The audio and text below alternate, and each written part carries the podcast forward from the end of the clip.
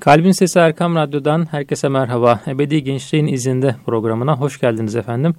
Ben Deniz Abdullah Koçak. Programı Furkan Özkul abimle icra ediyoruz. Abi hoş geldiniz. Hoş bulduk Abdullah. Abi nasılsınız? Hamdolsun iyiyim. Asıl sen hoş geldin. Abi hoş bulduk. Eyvallah. İki haftadır dinleyicilerimiz sana hasret. Estağfurullah. Ee, yoktun. Ee, senin yokluğunda e, ben senin misyonunu devralmak durumunda kaldım. evet. Umarım dinleyicilerimiz için e, güzel programlar olmuştur diyelim. Tabii hasbihal ediyoruz. Burada seninle hasbihal ediyoruz ama aslında evet. dinleyicilerimiz de bu hasbihalin önemli bir parçası. Kendileri yaptıkları yorumlarla, gönderdikleri mesajlarla e, sohbetimize, muhabbetimize renk katıyorlar. Sağ olsunlar, var olsunlar evet. diyelim. Abi eyvallah. Ee, yani ben programı dinleyici gözüyle e, inceleme fırsatım oldu bu iki haftada. Yani hakikaten e, güzel şeylere değinildi. E, bu son iki haftada işte kitaplardan biraz konuşuldu. Yine bayram e, muhabbeti oldu çok güzel. İnşallah dediğin gibi dinleyicilerimiz de istifade ediyorlardır diyelim. Senin nasıl geçti tatil onu bir soralım önce. Abi eyvallah. Biz tatilde Çanakkale'deydik eşimle beraber ee, ve eşimin ailesiyle beraber. Orada küçük bir e, köyde, bir köy evinde Kurban Bayramı'nı çok güzel bir şekilde geçirdik hamdolsun. Yani kurbanımız kesildi işte. Bol bol et yendi öyle denir ya. Evet. yani tabii Çanakkale güzel bir coğrafya. Biraz gezme görme fırsatım da oldu. Bu sefer gittiğinde biraz uzunca kalma fırsatım oldu. Hamdolsun güzel geçti yani. Çanakkale hakikaten ilginç bir yer.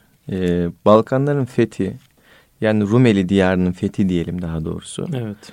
Ee, onun asıl merkezi e, Çanakkale. Evet. Yani oradan giden askerler e, bölgede çok önemli işler yapıyorlar. Evet.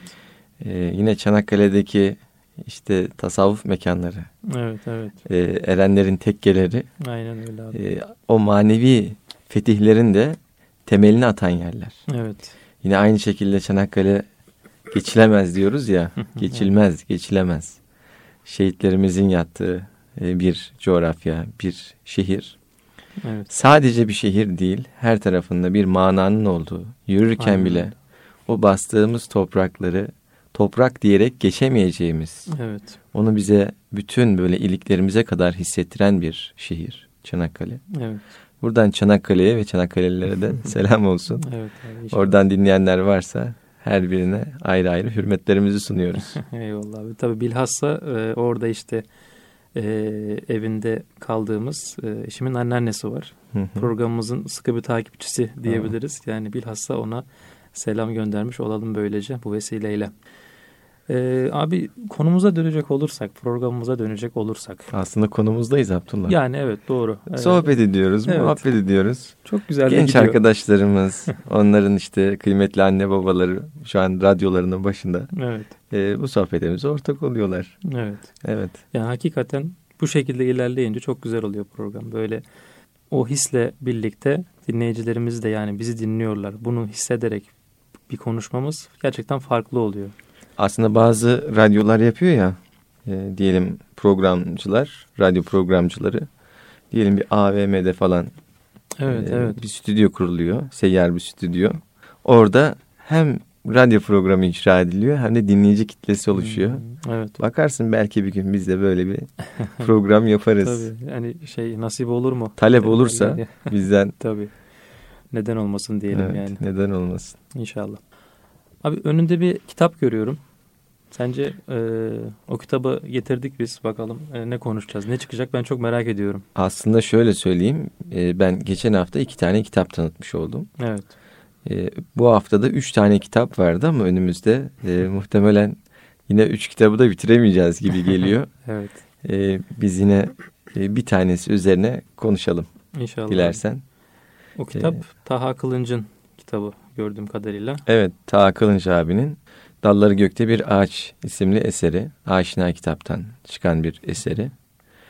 E, Tabi hakikaten kalemiyle, kelamıyla çok güzel şeyler paylaşan, çok güzel şeyler ortaya koyan bir değer. E, o açıdan okumakta, dinlemekte e, evet. fayda var. E, ve okuduğunuz zaman, dinlediğiniz zaman sizi yormuyor. Evet. E, güzel bilgiler katmış oluyor.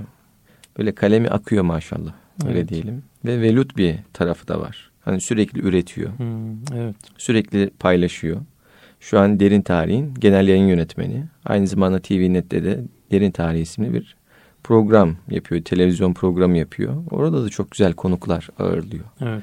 Yani bizim coğrafyamızın kadim meselelerine ilişkin e, önemli noktaları gündeme getiriyor. E, hani derler ya coğrafya kaderdir diye. Evet. Artık bu dillere pelesenk olmuş. Ufacık böyle kundaktaki çocuğun bile duyduğu bir Evet. ifade. Ama hakikatine baktığımız zaman da öyledir Abdullah. Yani coğrafya hakikaten bir kader. O coğrafyanın imkanlarıyla aslında bizler e, hayatımızı şekillendiriyoruz. Ya bugün Karadeniz'de doğan bir çocuğu düşünelim. Bir bebeği düşünelim. Orada büyüyor, çocuk oluyor. Orada büyüyor, genç oluyor. Evet. Yani oradaki dağlardan etkileniyor.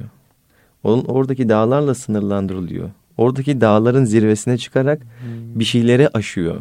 Evet. Dolayısıyla Karadeniz'in dağları, diyelim ki Güneydoğu'nun o geniş düzlükleri, e, işte İç Anadolu'nun bozkırı, Evet. işte Ege'nin mavisi, Evet.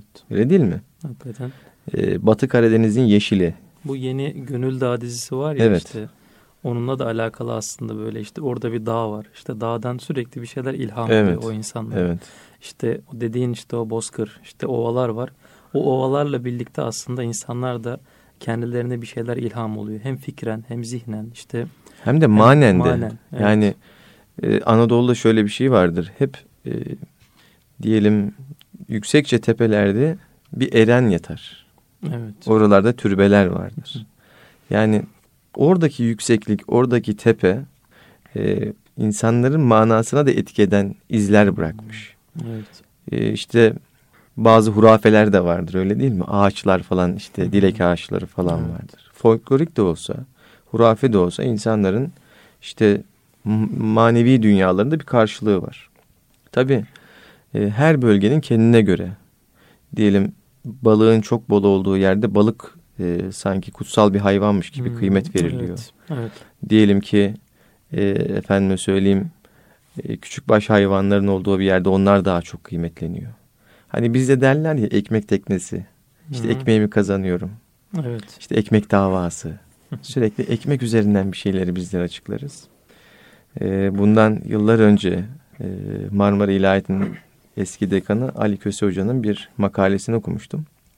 E, o makalede şey geçiyordu. Yani Türkler için ekmek bu kadar kutsalken e, diyelim Almanlar için patates kutsalmış. Evet. Hani patates dediğin zaman bir özel anlam atfediyorlarmış. Hmm, Tabii her millet için bu böyle. Yani yerde elma olur. Hani köye gittiğimizde görürüz. Dallarından elma düşer falan. E, çocukken falan arkadaşlar bir tekme vururlardı. Uçar giderdi ama ekmeği tekme vurmazlardı. hmm, Evet. Değil mi? Ekmek Allah'ın nimeti olarak görünürdü. Halbuki elma da Allah'ın nimeti. Elma da bir nimet evet. Elma da Allah'ın nimeti. Ya onu da alıp şöyle üç defa öpebiliriz, öpebiliriz yani evet hakikaten. düşününce. Tabii bazı şeyler daha e, insan hayatında belirleyici olabiliyor. Örneğin Anadolu'daki en temel gıda e, bir dönem işte buğdayın türevleriymiş. Buğdaydan yapılan türevlermiş yani. Şimdi o açıdan e, bizde ekmek olmuş. Farklı coğrafyalarda farklı şeyler olmuş. Bu noktada coğrafyanın insan üzerine etkisi var. E, tabii insanlar kendilerini aşmaya çalışıyorlar. İnsanlar kendilerini e, daha kaliteli bir insan e, olma noktasında adım atabiliyorlar. Bunun da en güzel çağları, değişimin en güzel hissedildiği çağlar gençlik çağları oluyor. Evet. Çünkü o enerjinin zirvede olduğu bir dönem, o dönemde e, hani arz endam etmek derler ya, evet. kendini en iyi arz endam edebileceği zaman dilimi gençlik. Dolayısıyla hayatın anlamını sorguladığı, ben nasıl yaşayacağım, niçin yaşayacağım diye düşündüğü zaman dilimi gençlik. İşte e, bu yönüyle coğrafyanın etkisi, okudukların etkisi, ailenin etkisi, her şey insanda bir iz bırakıyor. Coğrafyada iz bırakıyor. Şimdi Evet. Tabi'nin kitabına tekrar geri dönecek olursak, Tabi'nin kitabı da dalları gökte bir ağaç, e, çok önemli noktalara temas ediyor. Yani, hayatımıza noktalara... ilişkin, evet. hayatımıza ilişkin e, böyle çok anlamlı dokunuşlar yapmamızı, evet. e, hani yapmamıza yönelik küçük, e, nasıl söyleyeyim, lafı uzatmadan, çok fazla böyle kelimeye boğmadan, evet. az ve öz ifadelerle hayatımıza küçük dokunuşlar Hal, halbuki yani bunlar küçük dokunuş diyoruz ama etkileri çok büyük olacak dokunuşlarda evet. bulunuyor. O açıdan özellikle genç arkadaşlarımıza bu kitabı mutlaka öneriyorum. Ee, çok fazla başlık var. Ee, bazıları daha uzun yazıların ama bazıları çok daha kısa. Mesela şöyle diyelim, yani Kur'an-ı Kerim'le alakalı diyelim bir bölüm var. Kur'an'ın iç bütünlüğü diye bir başlık. Hmm. Mesela acaba ayeti doğru anlıyor muyum? Bir sonraki başlık bu. E, Tahabi okuduklarından ve şahsi tecrübelerinden yola çıkarak bu başlıkları oluşturmuş ve kendi zaviyesinden gördüğü şekilde e, bir e, nasıl söyleyelim ölçü sunuyor aslında. Evet. Daha doğrusu var olan var olması gereken e, ölçüyü tekrardan hatırlatıyor diyelim. Hmm, evet. O da önemli bir nokta. Ee, şöyle kitabın dilersen birazcık şu e, içeriğine doğru bir bakalım. Neler var, neler yok. Okuyabileceğimiz şeyler varsa. Mesela bir tanesi çok güzel. Evet. İstersen abi. paylaşalım bunu tabii dinleyicilerimizle. Abi, Üç sosyal medya hadisi diye bir başlık var. Şimdi hadis Peygamber Efendimizin sözleri. Evet. Şimdi sosyal medya çok yeni bir şey. Ee, şimdi 1400 yıl önce söylenen sözlerle günümüzde neşet etmiş diyelim bir yeniliği buluşturuyor. Yani peygamberimiz o dönem e, bir takım hadisler ortaya koymuş, sözler ortaya koymuş. Evet. Müslümanlara, e, müminlere yol gösterecek, yön gösterecek. E, ama bu günümüzde de geçerli. Yani o dönem konulan ölçüler günümüzde de geçerli ve hala bize evet. yol göstermeye devam ediyor ve bizim üzerimize yüklemiş olduğu yükümlülükler hala devam ediyor. Ben seninle konuşurken de bu devam ediyor. Ee, ben seninle sosyal medya üzerinden konuşurken de devam ediyor. Mesela okuyalım dilersen Abdullah. Tabii ki abi. İlk hadis-i şerif e, Resulullah sallallahu aleyhi ve sellem Efendimiz buyurdu ki her duyduğunu söylemesi, anlatması kişiye günah olarak yeter. Bak. Evet. Bu bir hadis-i şerif sosyal medya bağlamında ele aldığımız zaman ne kadar kıymetli bir hadis-i şerif. Ne kadar yol gösterici bir hadis-i şerif değil mi? Evet. Çünkü sosyal medya bugün neredeyse yalanın zirve yapmış olduğu, o troll diye e, ifade edebileceğimiz diyelim nasıl söyleniyor fake haberler deniliyor ya. Evet. O yalan haberlerin bir anda e, ülkeyi e, sarabildiği, insanların düşüncelerini manipüle edebildiği bir alana dönüşebiliyor. Evet. Dolayısıyla sosyal medyadan duyduğumuz her şeyi doğru olarak kabul etmememiz lazım. Evet. Yani doğrulayabileceğimiz güvenilir kaynaklar üzerinden almamız gerekiyor. Nitekim Kur'an-ı Kerim'de de buyurulmuyor mu? Bir fasık size haber getirdiğinde onu araştırın. Evet. Yani onu araştırmak gerekiyor. Biz sosyal medyada kim ne yazıyor bilmiyoruz. Hesabın adı bile belli değil. Evet. Yani genelde böyle nickname'ler üzerinden gidiyor. Takma isimler üzerinden gidiyor. Ama ortaya bir iddia atılıyor, bir görsel ortaya atılıyor. E, ne olduğu belli değil. Dolayısıyla bir anda e, bizim hissiyatımıza da uygunsa eğer biz hemen inanma evet. e, eğiliminde olabiliyoruz. Halbuki inandığımız zaman ona göre bir reaksiyon verdiğimizde bunun sorumluluğunu da almış oluyoruz. Yani şöyle aslında onu e, sahte bir haber olarak, sahte bir görsel olarak o troll dediğimiz hesaplar paylaşıyor. Sonra bunu gerçek insanlar yani kendi hesaplarında ya işte o direkt o görseli alarak paylaşıyorlar ya da direkt işte Twitter'daysa o tweet'i alarak paylaşıyorlar. Ve bu aslında ondan sonra gerçek bir insanın söylediği bir söz oluyor. Ama işte troll bir insanın uydurduğu yalan bir söz aslında o. Hazreti Ali Efendimiz'e atfedilen bir söz vardır. Hazreti Ali şöyle buyuruyor.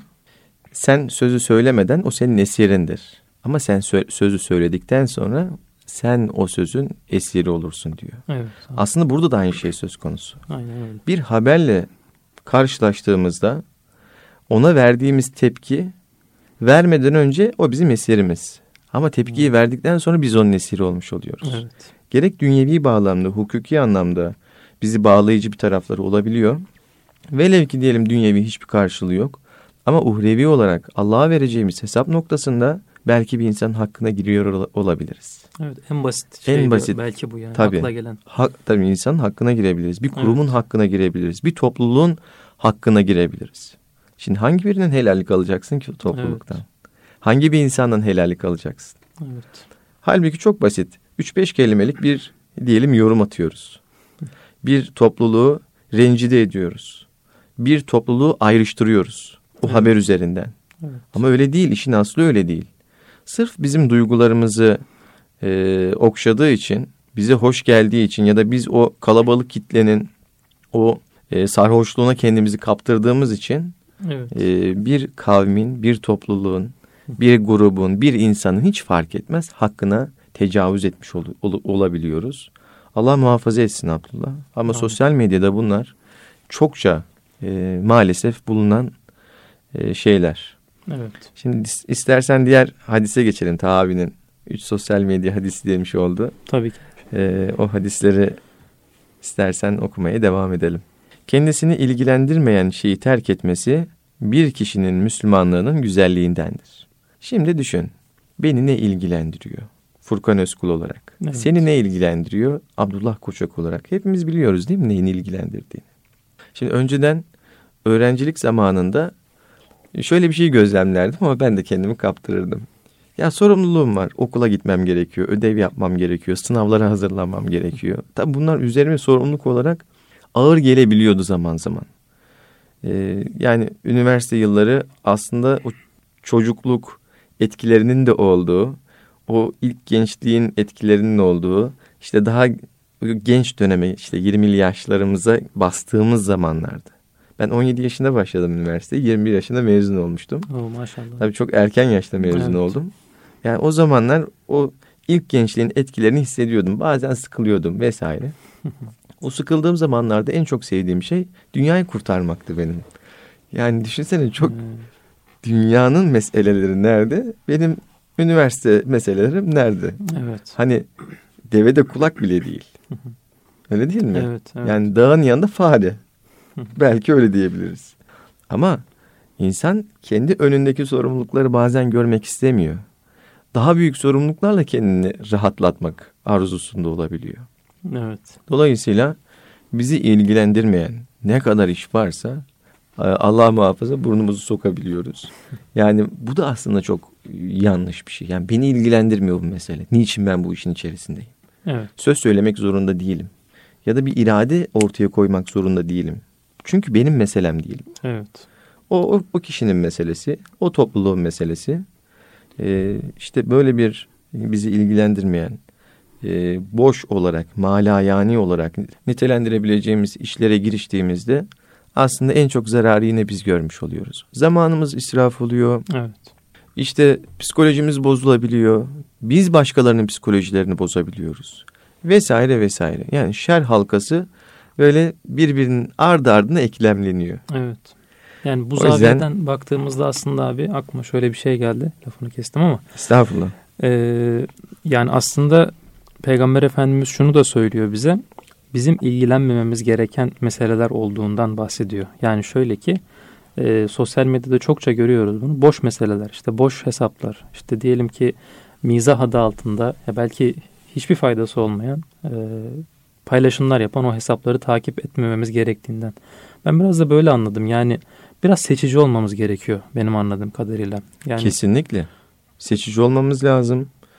Bakmamız lazım. Yani her doğruyu da paylaşmak bazen doğru olmayabiliyor. Evet. Yerinde ve zamanda paylaşmak, güzellikleri yaymak, daha evrensel olan e, hususları ön plana çıkartmak gerekiyor. O açıdan gündelik olan hadiseler, e, yaşanan işte o an vermemiz gerektiğini düşündüğümüz o reaksiyonlar bir müddet sonra bizi pişman da edebiliyor. Evet. Maalesef. Evet, kesinlikle. Dilersen üçüncü hadisi de okuyalım. Olur abi. Sonrasında... Sonra başka başlıklara evet. e, değinmiş olalım. İnşallah.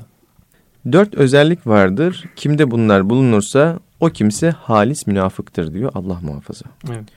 Kimde de bunlardan biri bulunursa onu bırakıncaya kadar kendisinde nifaktan bir sıfat var demektir. Emanet edilince hıyanet eder, konuşunca yalan söyler, Söz verince sözünde durmaz, husumet edince haddi aşar. Buhari hadisi bu. Evet. Evet yani bu dört özellik gerçekten hepimizi ürkütmesi gereken özelliklerden bir tanesi. Sosyal medyada bu bahsettiğimiz hususlar e, ger altı çizilmesi gereken hususlar. Evet. Yani sosyal medyada e, en çok gördüğümüz hususlardan bir tanesi nedir? Husumet meselesi. Evet. Yani bir topluluk bir topluluğu sevmiyor. Bu takımlar da olabiliyor zaman zaman. Taraftarlar olabiliyor. İşte diyelim siyasi organizasyonlar olabiliyor. Evet. İşte iki farklı grup olabiliyor. Aynı grup içerisindeki farklı fraksiyonlar olabiliyor. evet. Dolayısıyla iki grup karşı karşıya geldiğinde o insanların hani akil diye isimlendirebileceğimiz daha aklı başında oturup konuşabilecek isimler bir anda ortadan kayboluyor sosyal medyada. Ne kadar fanatik, holigan, işte ortalığı böyle velveleye verebilecek, Evet. bir anda kızıştırabilecek kişi varsa ya onların bir anda kalemleri sivriliyor. Evet. Bir anda onlar ön plana çıkmaya başlıyor. Husumet e, olduğunda, e, düşmanlık oluştuğunda da bu düşmanlıkta aşırıya gitmeler olabiliyor maalesef. Belki o işte aşırı insanlar o akil insanların yanında yani gerçek hayatta yapamadıkları o holiganlığı, o aşırı uç hali sergileyebilecekleri bir alan buluyorlar sosyal medyada. Evet. Maalesef ki diyelim. Evet. Burada kısa bir ara verelim abi. Olur. İnşallah ikinci bölümde. Kitap çok güzel maşallah. Farklı bölümlerinde okumuş oluruz. Erkam Radyo'nun kıymetli dinleyicileri, Ebedi Gençliğin izinde programımız kısa bir aradan sonra devam edecek efendim. Erkam Radyo'nun kıymetli dinleyicileri, Ebedi Gençliğin izinde programımız kaldığı yerden devam ediyor efendim. Ee, Taha Kılınç abinin Dalları Gökte Bir Ağaç kitabından pasajlar okuyoruz. Aslında bir pasaj okuduk fakat e, çok yoğun üç hadisi içerdiği için onun üzerine aslında bir e, ilk bölümü bu şekilde bitirmiş olduk. E, şimdi abi önünde başka bir sayfa var. Orada neler yazıyor? Gönlüne neler düşüyor o sayfayla Evet. ilgili? Ben açıkçası merak ediyorum. Tahavi'nin bu kitabı hakkında da şöyle teknik bilgiler de verelim istersin Abdullah. Buyur abi. Hasbelkader ben bu kitabın e, editörlüğünü yaptım. Maşallah. Çok keyif aldım çalışırken. Maşallah. Mehmet Taha Ersöz de iş tasarımını yaptı. Evet. E, Nadide Zamanoğlu da e, kapağını tasarladı. Böyle güzel bir çalışma ortaya çıktı. Çok güzel. Yani aslında bir kitap var ortada ama as- e, Taha Kılınç abi yazar olarak gözüküyor. Şimdi kitap e, nasıl çıkar, ne olur aslında biraz da bilgi vermiş oldun böylece. Arkasında birkaç kişinin belki çok yoğun günler süren, haftalar süren bir emeği de var. Yani şöyle söyleyeyim Abdullah, e, daha önceden paylaşmış mıydım bilmiyorum. Böyle lise zamanlarındayken kitapçılara çok giderdim. E, Çok da çok da kitap alırdım. Bazılarını hiç okumadım bile. Ama e, diyelim kapağı hoşuma giderdi. İçinde bir bölüm hoşuma giderdi. Sırf o bölümü okumak için aldığım kitaplar da olmuştur.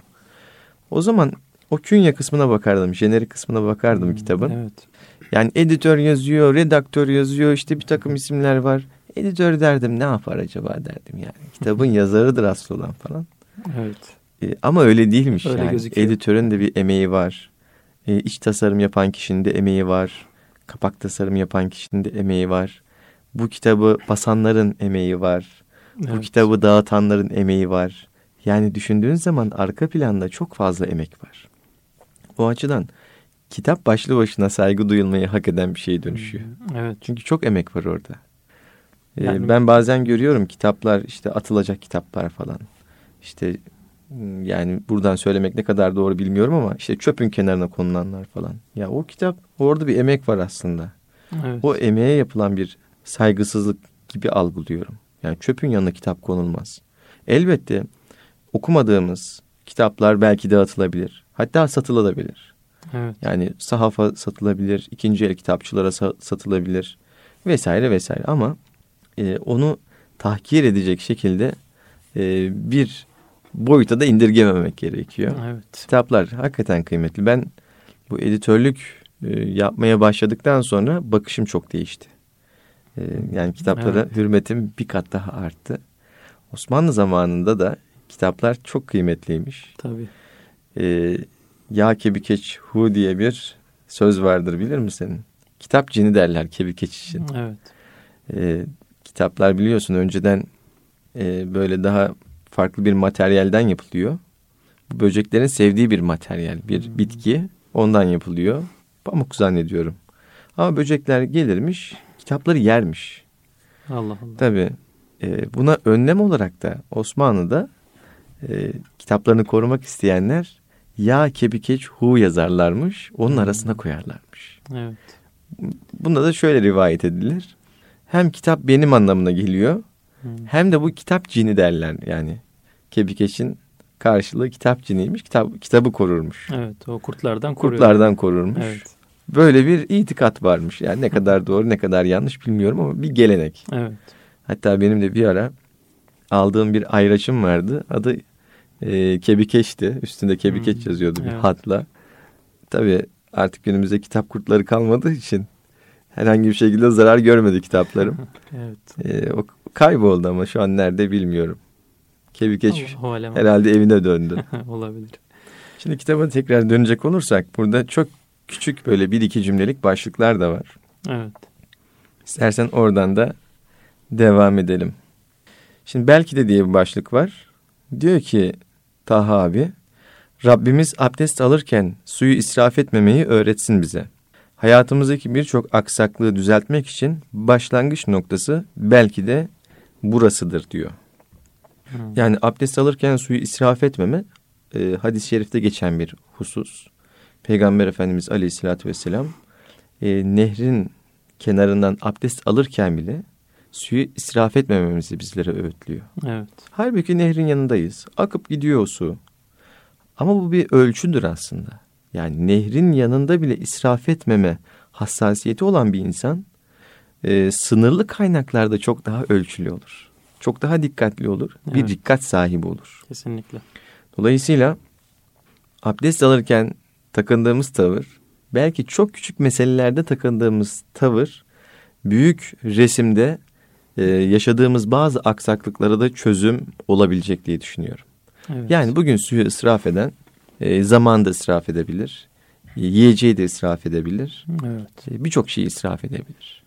Ama suyu israf etmeyen, bu noktada hassasiyet geliştiren bir insan e, diğer hususlarda da hassasiyetini daha da güçlendirecektir. Evet. Yani ad, aslında adım atmaya suyu israf etmemekten başlayın gibi böyle de bir e, tavsiye de ortaya çıkıyor bu sözden. Tabii. Tabii. Aynen. E, böyle bir durum da var. Yani orayla başlarsın ama adım adım evet. adım adım o hassasiyetlerini geliştirerek aslında bereketli bir yaşamın temelini oluşturmuş olursun. Evet. Yani kitap bu yönüyle hani var olan ölçüleri tekrar sunuyor dediniz ya. Tekrar hatırlatıyor. Yani bu söz hakikaten onun biraz e, kanıtı oldu benim nazarımda. Yani zira işte dediğim gibi bir şeylere başlayacaksak o mesela e, israf etmemeye başlayacaksak en basitinden suyu israf etmemekle başlayalım hı hı. diyor Taha Hı hı. Bu manada kitabın aslında kolay okunan da bir yapısı var. E, cümle cümle, paragraf paragraf. Fakat mana olarak üzerinde düşündükçe e, okuma süresi olarak artacak da bir zaman da var. Yani, yani üzerine tefekkür edeceğimiz evet. çok şey var. Kitap aslında 160 sayfa. Böyle küçük küçük başlıklardan oluşuyor daha çok. Birkaç cümlelik. E, böyle birkaç sayfalık başlık çok fazla yok. E, evet. Bazı yazılar daha uzun ama e, böyle birkaç sayfalık yazı daha az. E, az önce okuduğum şekilde başlıklar var, küçük başlıklar. Üzerine tefekkür etmek, düşünmek, e, onu hayatımıza bir ölçü olarak benimsemek. Evet. Yani tabi burada kendisinden de bir şey söylemiyor. Ya bir ayete ya bir hadise dayandırıyor. Evet. Ya da bir büyüğün sözüne dayandırıyor. Örnek olarak veriyorum. ve böylece aslında oradaki ölçüleri damıtıp bu kitabın içerisine koymuş. Evet. 160 ee, sayfalık. Ee, yani hacmi itibariyle de çok büyük bir hacme sahip de değil. Hani okuma konforu da gayet iyi. Şöyle elinize aldığınız zaman e, rahat okunabilecek. Güzel e, sizi e, nasıl söyleyelim böyle mutlu edecek bir tarafı da var. evet. güzel bir kapağı da var. Dalları gökte bir ağaç biliyorsunuz. İbrahim suresinde geçen bir ayetten mülhem. Ya ondan biraz bahsetsen abi. Ben açıkçası bilmiyordum. O nasıl bir ayet. E, bu nasıl bir ifadedir? Bana çok ilgi çekici gelmişti bu kitabın başlığı açıkçası. Hı hı. Dalları gökte bir ağaç. O başlangıçta söylediğimiz işte Anadolu'da yaşayan ama işte dışarıda olmayı da isteyen e, böyle bir e, kişi gibi aklıma gelmişti benim. Yani dalları göğe doğru yükselen yani olduğu yerden biraz daha böyle belki yükseklere çıkmaya çalışan bir ağaç metaforu canlanmıştı kafamda. Evet.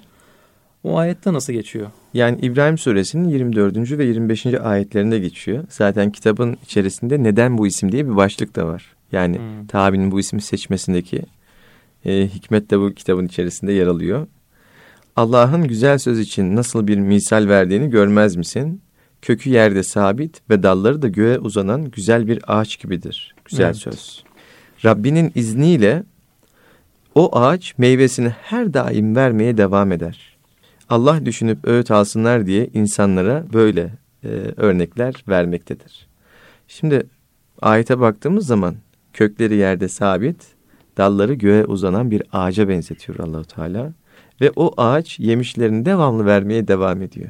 Yani biz bir yerde güzel bir söz söylediğimiz zaman, emri bil maruf yaptığımız zaman yani iyiliği yaydığımız zaman, iyiliği aktardığımız zaman, iyilik temelli olarak bir başlangıç yaptığımız zaman ve bunu geliştirdiğimiz zaman aslında e, ta belki kıyamete kadar sürecek e, manevi meyvelerin tohumlarını atmış oluyoruz. Evet. Dolayısıyla yaptığımız en basit bir iyiliği dahi küçük görmememiz lazım. Bunun kime dokunacağını bilemeyiz. Evet. Söylediğimiz güzel bir sözü kesinlikle küçük görmememiz lazım. Belki o sözü tek bir kişi için söylemiş bile olabiliriz. Öyle değil mi? Evet. Yani diyor ki bazen arkadaşlar hani e, ne kadar dinleniyorsunuz? Yani ne kadar dinleniyoruz? Dinlendiğimizi biliyoruz ama diyelim aman aman binler, on binler, yüz binler bizi dinlemiyordur belki. Evet. Ama dinleyen bir kişi tam dinlediğinde, oradan bir manayı kaptığında işte o bizi e, nasıl söyleyeyim mutlu etmeye yetiyor. Evet. Belki o kişi için konuşuyoruzdur bunu bilemiyoruz.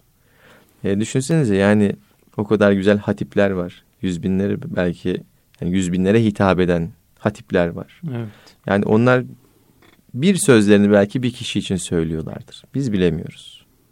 O açıdan güzel sözlere devam etmek, hep güzeli söylemek, kötüden, küfürden, sövgüden uzak kalmak. İşte bu da e, insanın durması gereken, alması gereken mevzi diye düşünüyorum söz noktasında. Evet, evet. Kitabın hikayesi e, işte güzel sözleri aslında e, buraya almak olmuş ta abinin. Güzel söz söylemek ve bunların da dalları gökte bir ağaç misaliyle Misali. evet. oradan teberrük olsun diye böyle bir isim verdiğini e, kitabın içerisinde ta abi söylüyor. E, küçük başlıklar var demiştik. Dilersen e, yine devam edelim istersen bir şöyle birkaç başlık daha okuyalım. Tabii abi. Mesela akla pek gelmeyen şeyler diyor. Dilersen bunu da okuyup herhalde vaktimizin de sonuna yaklaşıyoruz evet, Abdullah. Yavaş yavaş abi. Şöyle buyuruyor Yüce Rabbimiz Araf suresinde kitabın içinden okuyorum.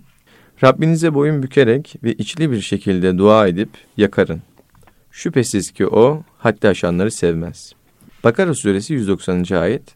Sizinle savaşanlara karşı siz de Allah yolunda savaşın. Haddi aşmayın. Şüphesiz ki Allah haddi aşanları sevmez. Furkan suresi 67. ayette şöyle buyuruluyor.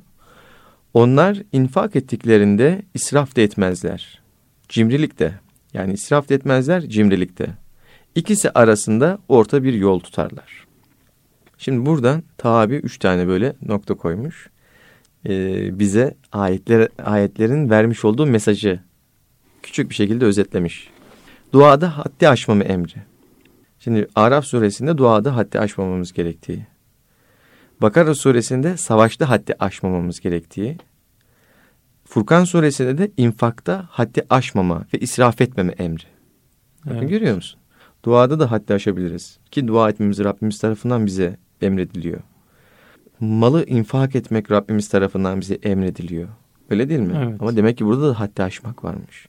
Allah haddi aşanları sevmez diye Kur'an-ı Kerim'de birçok defa ifade tabii, buyurulur. Tabii, tabii. Demek ki her birinin haddi var ve bizler Müslüman olarak Müslüman bir genç olarak bu hadlere uymak durumundayız. Üçüncü bu kadar basit. savaşta, cihatta sanırım. Evet. Haddi aşmamak Tabii. Gerektiği. Yani savaşırken de Müslümanın uyuması gereken kurallar var. Evet. Kadınlara, yaşlılara, çocuklara dokunamazsın.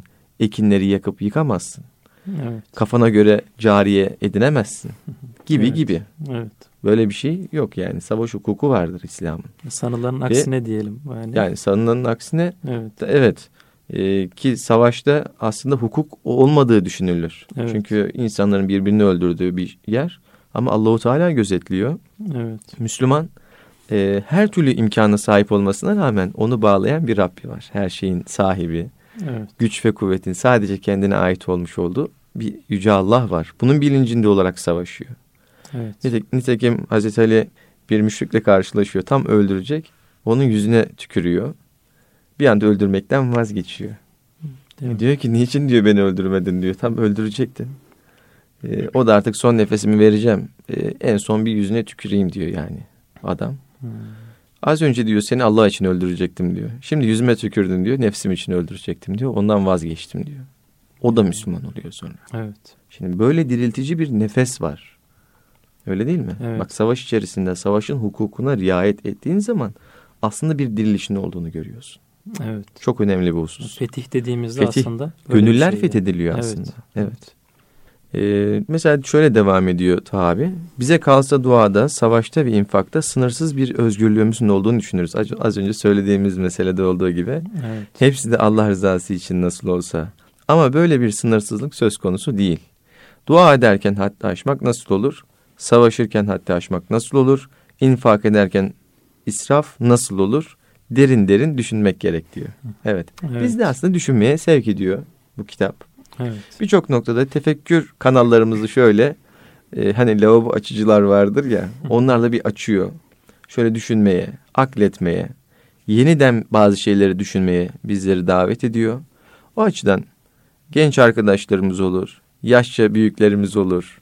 E, Dalları Gökte bir ağacı, Ta Kılınç'ın Dalları Gökte isimli bir Dalları Gökte bir ağaç isimli eserini okumalarını tavsiye ederiz. Kitaplıkta bulunmasını tavsiye ederiz. Başka arkadaşlarınıza, dostlarınıza tavsiye etmenizi sizlerden istirham ederiz. E, çünkü biz de güzel sözü yaymakla kendimizi şu an e, görevli evet. memur hissettik. E, inşallah e, güzelliklere vesile olur diyelim. Evet kitaplıklar e, bir yana belki masalarda da bulunabilecek bir kitap. Hani böyle açılıp bir paragraf okuyup tekrar böyle masaya bırakılabilecek bir kitap e, denilebilir abi.